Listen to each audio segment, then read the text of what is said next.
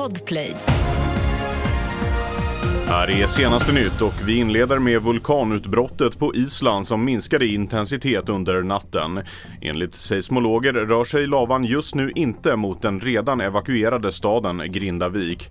Men än är inte faran över. Vi har Björn Lund, seismolog vid Uppsala universitet. Risken är mycket mindre nu att det skulle bli utbrott i själva Grindavik i och med att man lättar på trycket här norr om.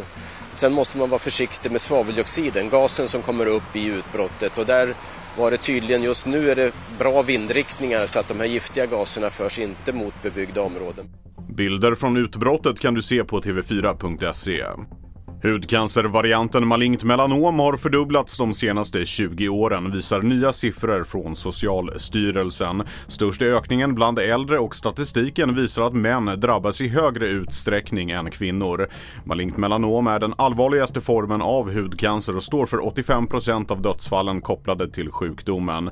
Under 2022 fick över 5 000 svenskar diagnosen.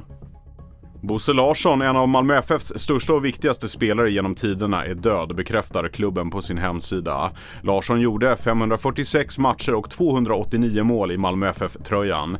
Han vann SM-guld sex gånger, fyra kupptitlar och vann Allsvenskans skytteliga tre gånger. Bosse Larsson blev 79 år gammal. Mer nyheter hittar du på tv4.se.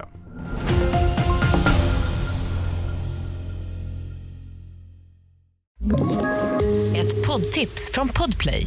I fallen jag aldrig glömmer djupdyker Hasse Aro i arbetet bakom några av Sveriges mest uppseendeväckande brottsutredningar.